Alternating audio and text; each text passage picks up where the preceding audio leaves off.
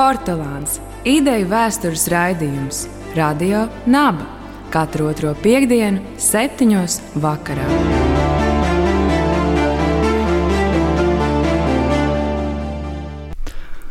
Labvakar! Raidījums Portugāns. Šovakar studijā Mikls Solovejs Rudolfs Vitoļņš un Latvijas Universitātes teoloģijas fakultātes zinātniskais asistents Reinis Norkākls. Labvakar! Reina, tev interese, zinātniskā interese ir saistīta ar baznīcas vēsturi, bet šodien mēs runāsim par dzimtas pētniecību. Un mans pilgta atmiņā ir bērnības pieredze, kad lasot vecās mācības bībeli, vienmēr fascinēja tie garie vārdu saraksti. Tikai vēlāk, protams, uzzināju, ka tie ir vecās un jaunās derības ģenealoģijas saraksti. Nu, Abrahams dzemdināja Īzaku, Īzaks dzemdināja Jēkabu, Jēkabs dzemdināja Jūdu, viņa brāļus un tā bezgalīgi. Tajā ir kāds ritms, jā, vārdu ritms un arī ieskatīšanās pagātnē, pie kuras agri vai vēl mēs nonākam savā dzīvē. Kas vispār ir dzimts pētniecība? Um, tādā šaurākā nozīmē tā ir uh, vēstures zinātnes palīgdisciplīna kuras uzmanības centrā ir uh, konkrētu uh, dzimtu uh, vēstures izpēte, ciltskoku, jeb genealoģisko tabulu sastādīšana, vadu faktu apkopošana vai citu materiālu vākšana saistībā ar izvēlēto dzimtu. Cik tālu dzimtas pētniecībā Latvijas vēstures kontekstā mēs varam aiziet? Ārkārtīgi lielas veiksmes gadījumā. Ar to es saprotu situāciju, kad ir saglabājušies arī 18. gadsimta rakstītie avoti, piemēram, dvēsļu revīzijas un baznīcu grāmatas, ar ko mēs saprotam kristīto, mirušo un laulāto reģistrus.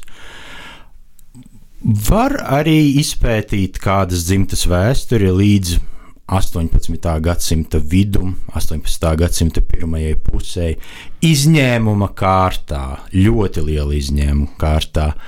Varbūt tās pat līdz 17. gadsimta beigām, bet tas ne, visdrīzāk nenozīmēs to, ka jūs lasīsiet 17. gadsimta beigu avotu, kurā ir minēta jūsu nescik reizes vecvec vecmāmiņa, bet uh, visdrīzāk jūs atradīsiet 18. gadsimta otrās puses uh, dokumentu, kur kādam no jūsu senčiem ir norādīts liels vecums, no kura varētu izsacināt, ka viņš ir dzimis vēl 17. gadsimtā, protams, paturot prātā, ka, ja mēs runājam par īpaši lielu uh, kādas personas vecuma norādi, tā laika avotos visdrīzāk tas ir ļoti, ļoti aptuvens, jo simts gadi vienkārši nozīmē daudz. Simtsgadnieks nozīmē salīdzinoši vecs cilvēks. Tikpat labi viņam varēja būt arī 70 gadi. -hmm. Bet tā vadlīnija parasti ir uzvārds. Vispār uzvārds. Kas latviešiem deva uzvārdus, kad? Nu, un te arī tādi nu, dažādos novados, dažādos reģionos bija atšķirīgs stāsts noteikti. Uh, uzvārds bez šaubām ir viena no vadlīnijām, un ja mēs uh, raugamies uz tādu klasisko ģenealoģiju, kas uh, vakar Eiropā sākas kā uh, mužnieku ģenealoģija, jo, tā, jo pirmie tie bija mužnieki, kas uh, pētīja savus radurakstus. Mužniecība bija kārta, kas sevi definēja caur savu izcelsmi, caur savu senču iegūtām privilēģijām, tāpēc ģenealoģija kā nodarbe viņiem bija būtiska. Uh, Savukārt, ja mēs runājam par zemniekiem, tad uh, zemnieks, latviešu zemnieks primāri un uzvārds uh, nav kaut kas pašsaprotams vēsturiski, ņemot vērā to, ka vidzemē un kurzemē, ar ko es saprotu kurzemes guberņu, kas stiepjas no Kolkas raga līdz pat Baltkrievijas pierobežai pie Daugavpils, uzvārdus latviešu zemnieki ar ļoti retiem izņēmumiem, saņem pēcdzimtbūšanas atcelšanas. Vidzemē šie uzvārdi tiek fiksēti masveidā 1826. gadā, kur zemē mazliet vēlāk, 835. gadu. Pirms tam uh, zemniekus lielākoties uh, identificēja pēc viņu māju vārdiem.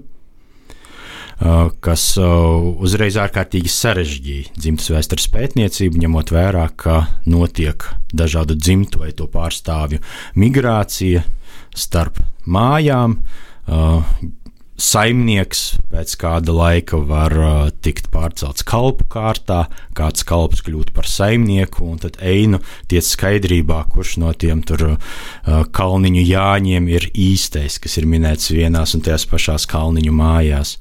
Atšķirīga situācija ir Latgalē un uh, Kurzemes guberņas, pirms tam Kurzemes zemeglas hercogistes. Uh, katoļticīgajos novados uh, Hercegistas austrumu vai gubernijas austrumu galā ap ilūksti, kur uh, zemniekiem uzvārdi parādās, vai vismaz ir rakstiski fiksēti uzvārdi, ja varbūt tās precīzāk teikt, dzimtu vārdi, pat 16. gadsimtā.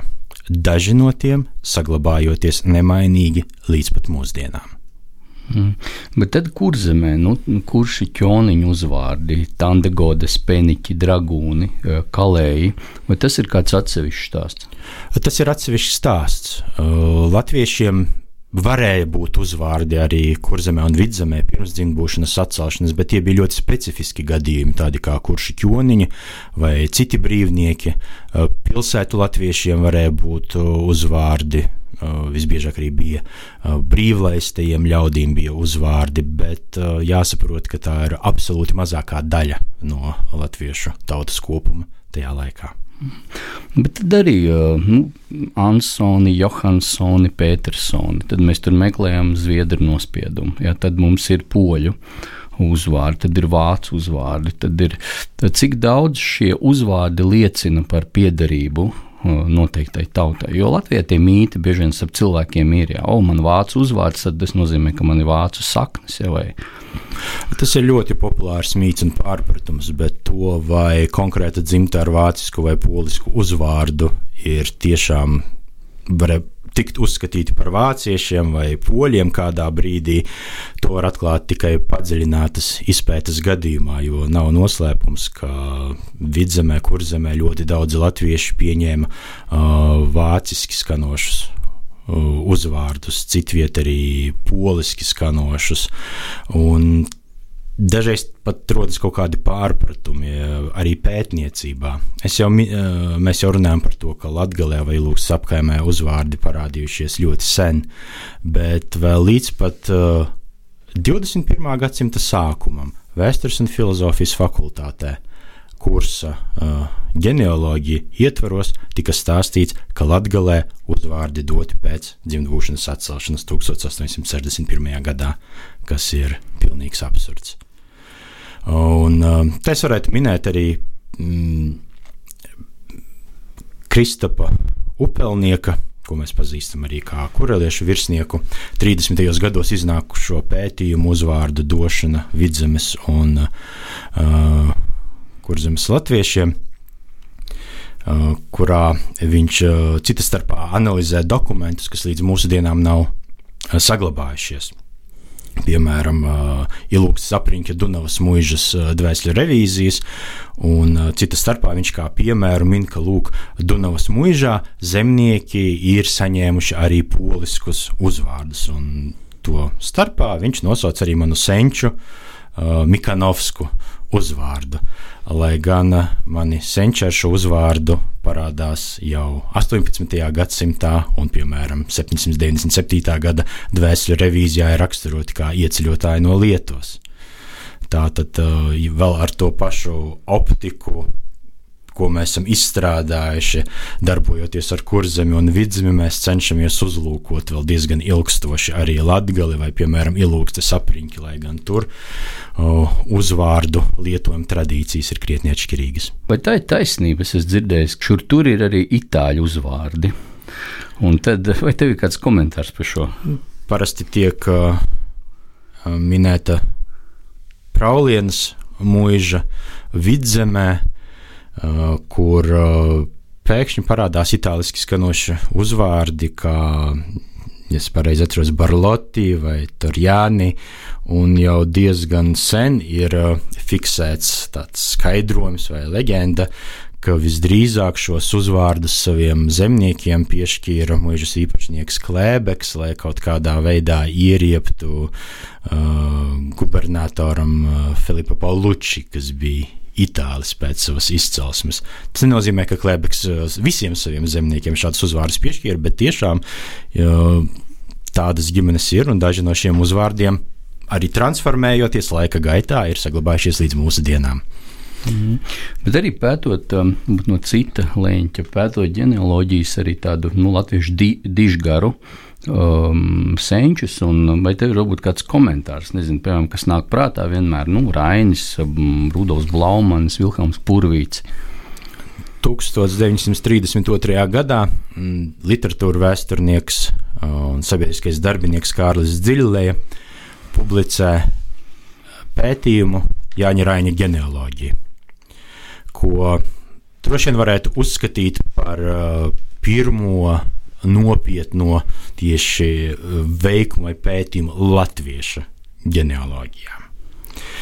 Uh, Kārlis Dziļlēja ne tikai strādā ar arhīvu materiāliem, viņš arī apmeklēja pliekšāna senču dzimtās vietas, un, manuprāt, joprojām šo pētījumu var uzlūkot kā zināma veida paraugu, kā pētījums varētu veikt dzimtas vēsturē.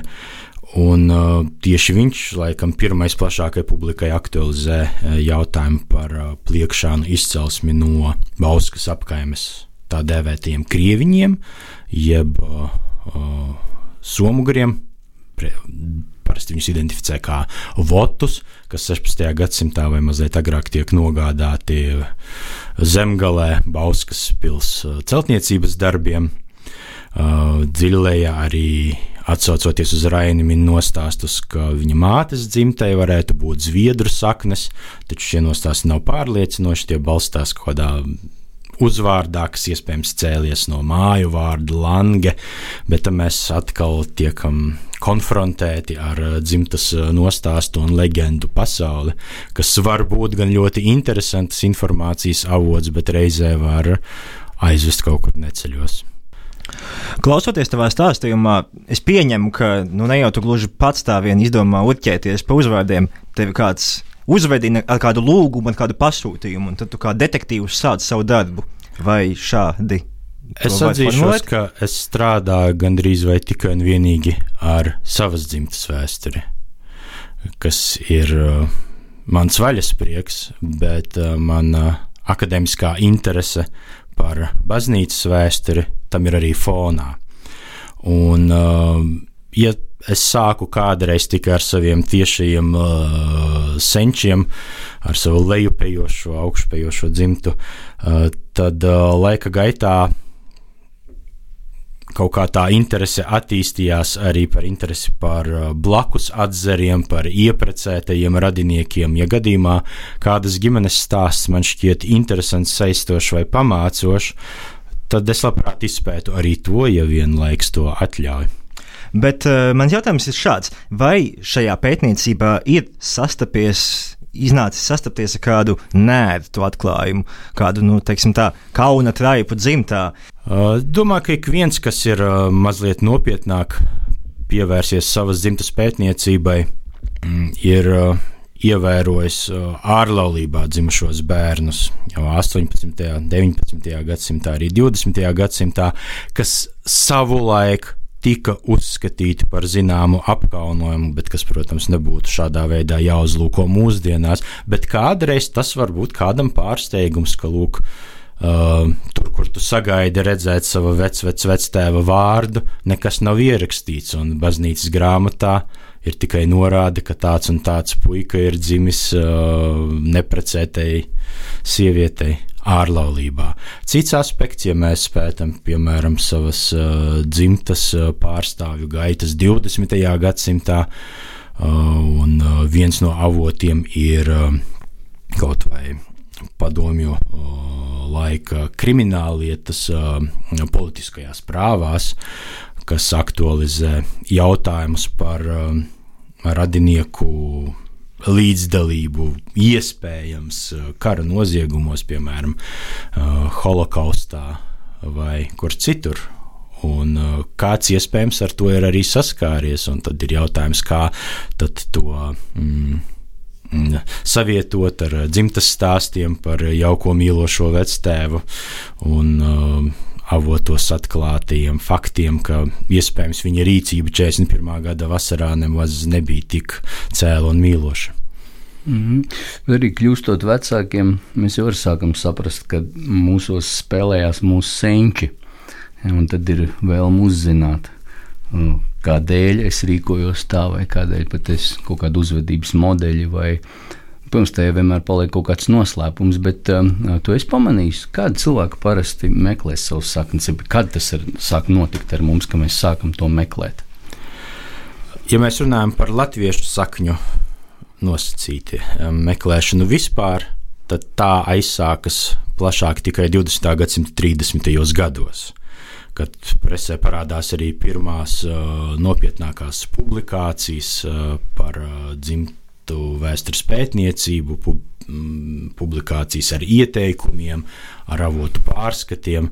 Piemēram, Valdemārs Klētnieks savā 1939. gadā publicētajā rakstā, kas veltīts šai tēmai, jau pirmajās rindās raksta, ka šajā laikā, kad vēsturnieki cenšas atgūt latviešu tautas vēsturi, ir arī pienācis brīdis atdot latviešu dzimtām viņu senčus vai kā tam līdzīgi. Bet, protams, 30. gadi tas ir laiks, kad varbūt tās uh, nopietnāk tiek pētīta kaut kāda prominenču ģenealoģija, tas pats Rainis. Uh, vienkāršāk kaluma ļaudīm tam nav laika, nav iespēju un visbiežāk nav arī intereses. Un uh, tieši 21. gadsimts nāk ar uh, zināmu apvērsumu dzimtu vēstures pētniecībā. Ja līdz šim ar to nodarbojās visbiežāk vai nu mm, skolnieki, kas uh, pildot mājas darbu vēsturē, aizpilda nelielu dzimtas koka šablonu, iztaujājot savus vecākus vai vecvecākus. Varbūt tās kāds jau pensionējies radinieks, kuram ir vairāk brīva laika, sāk kaut ko pierakstīt, apkopot no dzirdētā, varbūt tās aiziet uz arhīvu, jo 90. gados uh, galvenie dzimtas vēstures pētniecības avoti nav pieejami attālināti. Un 21. gadsimts, kad pēkšņi lielā skaitā šie avoti kļūst pieejami, neatejot no sava datora, nepieceļoties no sava dīvāna mājās. Faktiski ar dzimtas vēstures pētniecību var nodarboties ik viens. Un, ja sanāk vērot šīs eh, interesantu kopienas, kam ir uh, dažādas grupas sociālajos tīklos, var redzēt, cik uh, ļoti plašs ir šis uh, dzimtas vēstures pētniecībā ieinteresēto ļaužu spektrs pēc dzimuma, vecuma nodarbošanās. Mm. Jo ir interesanti domāt par um, Baltvācu arī mantojumu Latvijā. Nekad nebija iedomājies, ka tas arī viņiem bija cieši saistīts ar pašapziņas jautājumu. Jā, jo tad, kad mums parasti ir šis stāsts par nu, viņiem kā par augstdzimušiem, jā, šeit, kas ir jau gadsimtiem un tā, jā, bet um, um lasot par Baltvācu arī meklējumiem uh, nu, pagātnē, jā, mēs saprotam, ka viņi arī meklē kaut kādas saknes šeit, jo tie, kas ieradās 13. gadsimtā, nevienmēr bija augstzimuši. Ja ļoti reti no viņiem kādi bija. Tāpēc daudzas uh, vācu baltu dzimtas cenšas uh, atrast vai iepīt kādu Indriča kronikā vai citā avotā minēto vietējo, kā tagad minēts, mastautu pārstāvi. Nu, Līvēni un Kaupo. Uh, Kaupo Līvens uh, vai arī Fan Ekskulu dzimtas gadījumā tas būtu Visvaldis, uh, gan jau šie nav vienīgie gadījumi. Mm. Bet praktiski, nu, ja kāds vēlētos apzināt savus dzimtas koku, kādi ir tie pirmie soļi, kas ir jāspēr? Šis jautājums tiek uzdots ārkārtīgi bieži. Pirmais solis ir atvērt uh, interneta pārlūku, kādu meklētāju programmu un ierakstīt dzimtas pētniecību, ar ko sākt. Un tad izbirs lielā skaitā dažādi padomu apkopojumi. Uh, parasti tie sākas ar vārdiem sāc ar sevi un saviem vecākiem. Jo diez vai uh, 18. gadsimta dvēseli revīzijas varēs ko līdzēt, ja tu nezini, kā sauc tavu vecvectēvu un no kurienes viņš ir nācis. Tāpat tās ir jāsāk ar pašiem tuvākajiem senčiem. Um, ar saviem vecākiem, vecākiem un viņu vecākiem, un tikai tad jau ir daudz vieglāk un vispār dažkārt iespējams pāriet jau uz uh, rakstisko avotu pētniecību. Mm. Te Latvijā kādu laiku atpakaļ bija saistībā ar mormoņu ģenealoģiskiem meklējumiem. Arī Latvijā tad, tad tur bija iesaistīta interese par baznīcas grāmatām un tā tālāk. Vai tev ir kāds komentārs, jo cilvēki par to ir dzirdējuši, bet kas tas ir un kādēļ viņi to dara un vispār par šiem viņu meklējumiem un arī jūtas štatā pieejamo milzīgo arhīvu, ja, kas mm. ģenealogiem arī ir tāda uh, zelta ādere. Ja. Uh, Mormāņu baznīca, starp citu, ir uh, ļoti nozīmīga šajā 21. gadsimta ģenealoģiskajā pavērsienā, kas uh, dzimtas vēstures pētniecību padara pieejamu ikvienam. Uh, organizācija, ko mūsdienā sauc par Family Search, kas ir mormoņu organizācija, kuras aizsākumi ir meklējami uh, Jutas uh, ģenealoģiskajā biedrībā, Genealogical Society of Utah. Uh, ir organizācija, kas uh, digitalizē uh, arhīvu dokumentus, kas tiešā veidā ir saistīti ar dzimtu vēstures pētniecību visapkārt pasaulē. Kur vien tie ir pieejami, kur viņus pieliež klāt, tostarp arī Latvijā. Un šīs organizācijas vietnē, familysearch.com, familysearch.org, ir arī pieejami tādi nu, Lat Latvijas dzimtu vēsturē noderīgi avoti kā Rīgas prefektūras pasu kolekcija. Teiksim, Rīgā nodoto pasu krājums no 20. un 30. gadiem, tautas skaitīšanas materiāli 1935. un 1941. gada materiāli, bez kuriem mūsdienās neiztiek vairs neviens puslīdz nopietnas dzimtas vēstures pētījums. Kāpēc mormoņi sāka visu šo pasākumu? Daudzi to skaidro ar viņu teoloģisko principu, kas pieļauj arī mirušu personu kristīšanu caur kādu dzīvu Uh, šīs baznīcas pārstāvi. Uh, laikam mūsdienās tas jau tiek ierobežots tādā ziņā, ka šo rituālu var veikt tikai attiecībā uz pašamirušajiem radiniekiem. Bet tam dēļ ir jāizpēta dzimte, ir jāidentificē šie radinieki, un uh, līdz ar to baznīca piedāvā pilnu instrumentu klāstu, lai šo pētījumu īstenotu. Taču laika gaitā uh, viss šis dokumentu masīvs un tā padarīšana par pieejamu droši vien pārauga sākotnējo intenciju, un tagad uh, uh, šos resursus izmanto visi, kam nav slinkums, lai gan uh, Vatikāns kaut kad salīdzinoši nesen, pirms gadiem 15, droši vien um, pabrīdināja vismaz katoļu institūcijas, uh, ka nevajadzētu, sad, nu, ka nav jāsadarbojas ar mormoņiem, jo tomēr viņa interese par ģenealoģiju ir saistīta ar ļoti specifiskām un katoļu baznīcas neatzītām teoloģiskām nostādnēm. Bet tā interese Latvijā viņiem bija saistīta ka, kādu pēcteči, tad uz jūtas štatiem tie bija latviešu izcelsmes, vai tas bija uh, vēl kāds cits aspekts viņiem? Tieši Latvijas gadījumā parādījās? Uh, uh, tie varētu būt atsevišķi latvieši, kas uh, konvertējās ASV, un tā kā uh, Jēzus pēdējo dienu svēto baznīca ir lielā mērā misionāru baznīca. Mēs to redzam ikdienas Rīgas ielās, acīm redzot, arī domājot par eh, nākotnes konvertītiem un savas baznīcas piedarīgajiem. Uh. Vai ir kādi populārāki mīti vai priekšstati par dzimtas vēsturi Latvijā, kurus savas pētniecības laikā tu esi atklājis par uh, aplamiem esam? Es domāju, ka daudzi no mums, kas ir nodarbojušies ar pētniecību, ir ievērojuši kaut kādus sižetus vai motīvus, kas regulāri atkārtojas, ja tu iztaujā radiniekus. Uh, viens no tiem, piemēram, ir stāsts par to, ka vecvectēvs ir dienējis uh, cara armijā 25 gadus. Vecvectēvs, kas ir dzimis 890. gadā, ka, nu, iesaukts uz 25 gadiem, kas ir ārkārtīgi izplatīts mīts, precīzāk kļūdains apgalvojums, jo jau kopš 1830. gadiem dienests Krievijas impērijas armijā nepārsniedz 20 gadus, un tuvojoties gadsimta vidum, tas aizvien tika samazināts.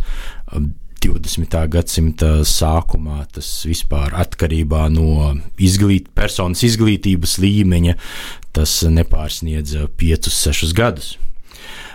Cits tāds uh, izplatīts motīvs, nu, ne pārāk izplatīts, bet šādi tad ir nācies saskarties, tas ir stāsts par um, senču eksotiskāku izcelsmi, uz ko it kā varētu norādīt tāds neparasti skanošs, varbūt tās nelatvisks uzvārds. Piemēram, ka tas varētu būt franču uzvārds kas noteikti nāk no šeit palikušajiem Napoleona armijas karavīriem. Um, neviens taču nerunā par to, ka lielākoties Napoleona armijas karavīri nāca no Prūsijas. Šeit tie nebija nemaz francūži, bet, protams, tādā populārā iztēlē tiem obligāti jābūt francūžiem. Uh, divi piemēri no Latvijas, ar ko man ir nācies saskarties, piemēram, tāds mm, uh, Jasmuīžas draudzē raksturīgs uzvārds Verze. Iespējams, to iztēlos kā Verzē vai vēl kaut kā. Un no prezmas draudzes nākušais uzvārds Silančs. Silāņš vai Silāņš? Jā. jā, nu, tu vari izvēlēties. Es norādīšu tikai to, ka abi uzvārdi ir sastopami attiecīgajās draudzēs jau 18. gadsimtā, vēl pirms Napoleona kariem. Nav pamata to izcelšanos identificēt ar kādiem ieklīdušiem francūžiem. Mm. Bet arī mm, tie stāsti par, nu, par vecstāvu vectēviem, jau par to, ka, nu, ja kāds ir piedalījies kādā militārā kampaņā, nu, tad vienmēr, um, nezinu, blakus Ļeņinam vai, vai jā. vienmēr kādās ļoti spilgtās uh, kaujās. Jā, Ik viens sarkanais latviešu strēlnieks ir uh, sargājis Ļeņinu un uh, piedalījies Perekopas ieņemšanā. Ik viens uh, latvietis, kas ir piedalījies Krievu-Japāņu karā, noteikti ir bijis uh, Portartūrā vai nu ņēmis dalību Cucimas uh, kaujā, jo tie ir vienīgie toponīmi, kas pateicoties arī daļliteratūrai, kaut kā ir iesēdušies tautas atmiņā. Nu, reti kurš atceras, uh, nezinu, tur. Um, kauju pie Mugdenas, varbūt tās no Krievu-Japāņu kara, kur pilnīgi noteikti latvieši ir piedalījušies. Nē, latvieši bija gan Cusimā, gan Portartūrā, bet uh, mazākā daļa no visiem latviešiem šī kara dalībniekiem. Ne, un tad arī ar Baltvācu mantojumu cieši saistīts uh, tās pirmās naktas tiesības, tas, tas mīts, hmm. mīts. Kas ir mīts, uh, bet uh, kas nebūtu nenozīmē, ka uh, vietējie muiznieki, izmantojot uh, savas varas pozīcijas, stājās seksuālos sakaros ar uh, uh, saviem dzimtļaudīm, un ka šajos sakaros dzima bērni. Par kuriem dažreiz tika izrādītas kaut kādas rūpes, varbūt tās viņi tika iekārtoti kā mežsargi vai kaut kā citādāk mūžā, proti, ka viņiem vairs nevajadzēja uh, pildīt klaušas. Uh, Man tagad nāk prātā, piemēram, viens no um, Borhu dzimtas pārstāvjiem Latgalē, kas 19. gadsimta vidū viņam dzimst bērni no vietējās zemnieces. Un pēc tam, kad uh, šī Borha sieva vai nu nomirst, visdrīzāk, vai arī tiek uh, anulēta laulība. Es tagad precīzi nepateikšu, bet viņš legalizē šos savus ārlaulībā dzimušos bērnus un arī šo savu laulā, nu, šo bērnu māti. Un uh, skatoties mm, kristību reģistru oriģinālus, kas ir saglabājušies Varakļānu draudzē, var redzēt, kā tur tiek svītrots, ka tur zemnieces Stalidzānas ārlaulībā dzimušais bērns uz uh, grafienes uh, Borhas uh, dzimušo bērnu. Mm. Bet arī tas tomēr nav mīts, ka cilvēks saka, es, saka, es esmu pētījis savu dzimtas vēsturi, un 4., 5., 6. paudzē mēs esam tīri latvieši. Kad tu dzirdi šādu apgalvojumu, Es nezinu, kamā balstās šāds apgalvojums, bet es um, nešaubos, ka tāda kombinācija ir iespējama. Bet mēs lielākoties ļoti maz ko zinām par uh, nosacīta tautas staigāšana, piemēram, 18. gadsimta sākumā, kad tiek no jauna apdzīvoti mēri, izmirušie vai karā izkautie novadi. Piemēram, vidzemē, pēc Ziemeļkara, ja, un lībiešu faktors tajā. Jā, vai arī mēs ignorējam to, ka varēja būt uh, kaut kādas atsevišķu ģimeņu vai pat personu migrācijas, kas piemēram no Lietuvas, uh, Baltkrievijas, uh, Igaunijas, kas pēc tam ieplūst tādā kopējā genofondā, un kādreiz varbūt tās latgalē uz to vēl var norādīt uzvārds. Vidzemē, kurzemē, varbūt tās kāds dzimtas nostāsts, kas, kā mēs to esam redzējuši, nevienmēr ir patiesas vai nevienmēr ir pierādāms. Bet tas nenozīmē, ka, protams, nevarēja būt kaut kas tam līdzīgs. Mm. Nu jā, domājot par, um, domājot, jā, par to sajūtu, tu esi vērsts baznīcas grāmatas vai metrikas vai vēl kādus, jā, un tad tu ieraugi šos uzvārdus un vārdus, kas ir tavi senči. Tev ir bijis kāda personīga pieredze, kādas tev sajūtas paņem, ka tu nosauc viņu vārdā, nu, pēc, nezinu, desmit gadiem, varbūt neviens viņu vārdu nav nosaucis, un tu viņu nosauc, tu ieraugi, tas ir tavs. Tā. Uh, zini, pašā dzimtas vēstures pētniecības sākumā es biju ļoti apsēsts ar uh, jaunu senču atklāšanu. Man vienkārši bija azarts un interese, cik tālu vispār, ja mēs aizpildām šīs paudzes dzimtas kokā vispār var aizsniegties. Un, ja sākumā tas bija vectēva vecais tēvs, tad nu, šobrīd tas kādam atzeram var būt vectēva, vecā tēva, vec, vec, vectēvs, ko es kādreiz nespēju iztēloties.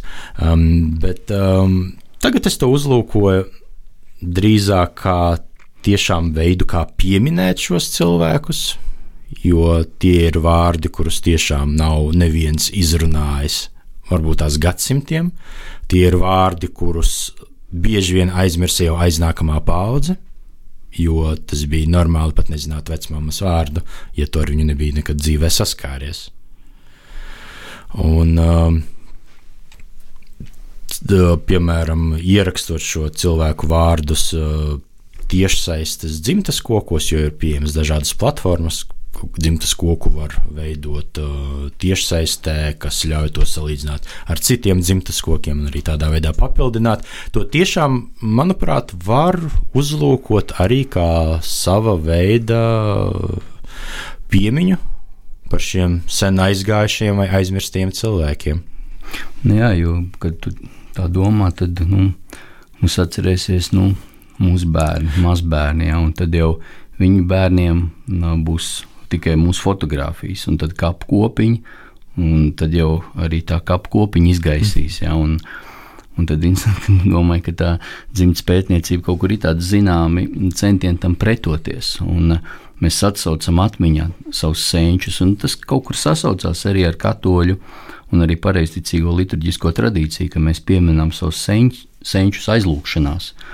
Un tā, tā, tā, tā saita kaut kur nepārtrūkst, tā, tā atmiņa par viņiem. Jā.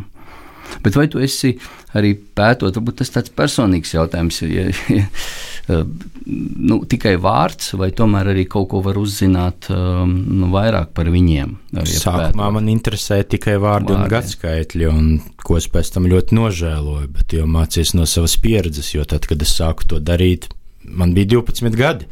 Man nebija vispār uz ko atsaukties, nebija nekādu rokas grāmatu, padomu, interneta vispār nebija. Uh, un uh, tikai uh, laika gaitā es sāku novērtēt stāstu, kas stāv aiz konkrēta vārda vai gadskaitļiem, pat ja šo stāstu veido tikai viens teikums, tikai viens fakts, bet vismaz tas ir kaut kas vairāk.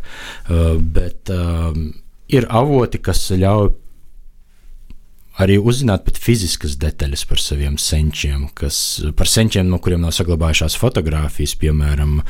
Uh, iesaucamo saraksti no 19. gadsimta otrās puses vai beigām, mm, kuros norāda senča augumu vai krūšu apkārtmēru. Um, krimināllietās uh, norādīja arī acu krāsu.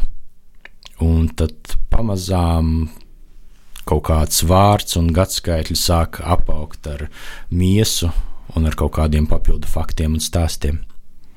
Tie stāsti arī toreiz minēja ka padomu laikos bija pieejama, ka noteikti profesija pārstāv radošo profesiju, arī pedagogi. Viņi rakstīja pašraksturojumu. Ja, tie pašraksturojumi kaut kur ir saglabājušies vēl joprojām, un daudziem tas var būt ar tādu iespēju iepazīties. Nu, tas iznāk, ka tie būtu mūsu vecvecāki. Jā, protams, šiem padomu laika avotiem ir uh, sava specifika, jo tur tika uh, noklusēta varbūt tās nepārāk glaimojoša informācija. Šķīriskā piederība. Jā, jā, jā, es uh, esmu lasījis vairāku savu senču vai radinieku tādas autobiogrāfijas, un tu nebeidz brīnīties, kāda lavierēšana tajos notiek, lai kaut ko nepateiktu ne to. Un dažreiz tas izbrīns, ka pasaka kaut ko tādu, ko pilnīgi noteikti vajadzētu noklusēt. Jā, tas jau, ko mēs minējām, kad, kad skatoties pagātnē, mēs gaidām varoņdarbus un, un noteikti mm. izcelsmi. Vai, un tas arī tāda konfrontācija, ka tu saduries ar lietām, ar kurām tev ir nu jā, jātiek tam ja bija jārod atbildi, kāpēc viņi tā mm. rīkojās, vai, vai, vai arī jāsadzīvo ar noslēpumu. Ja, ka ļoti daudz ko mēs arī varam nezināt, jo, kā jau tu minēji, uzvārds nevienmēr mm. ir atslēga. Pat vieta, no kurienes viņš nāk, ir atslēga. Man var gadīties, ka ir gājuši zudumā svarīgākie avoti no konkrētas draudzes vai mūžas, kas vienkārši padara tikpat kā neiespējamu virzību tālākā pagātnē. Jā. Paldies, Reini! Kā atnāci? Paldies par sarunu! Un raidījums Potlons atgriežas pēc divām nedēļām. Visu labu!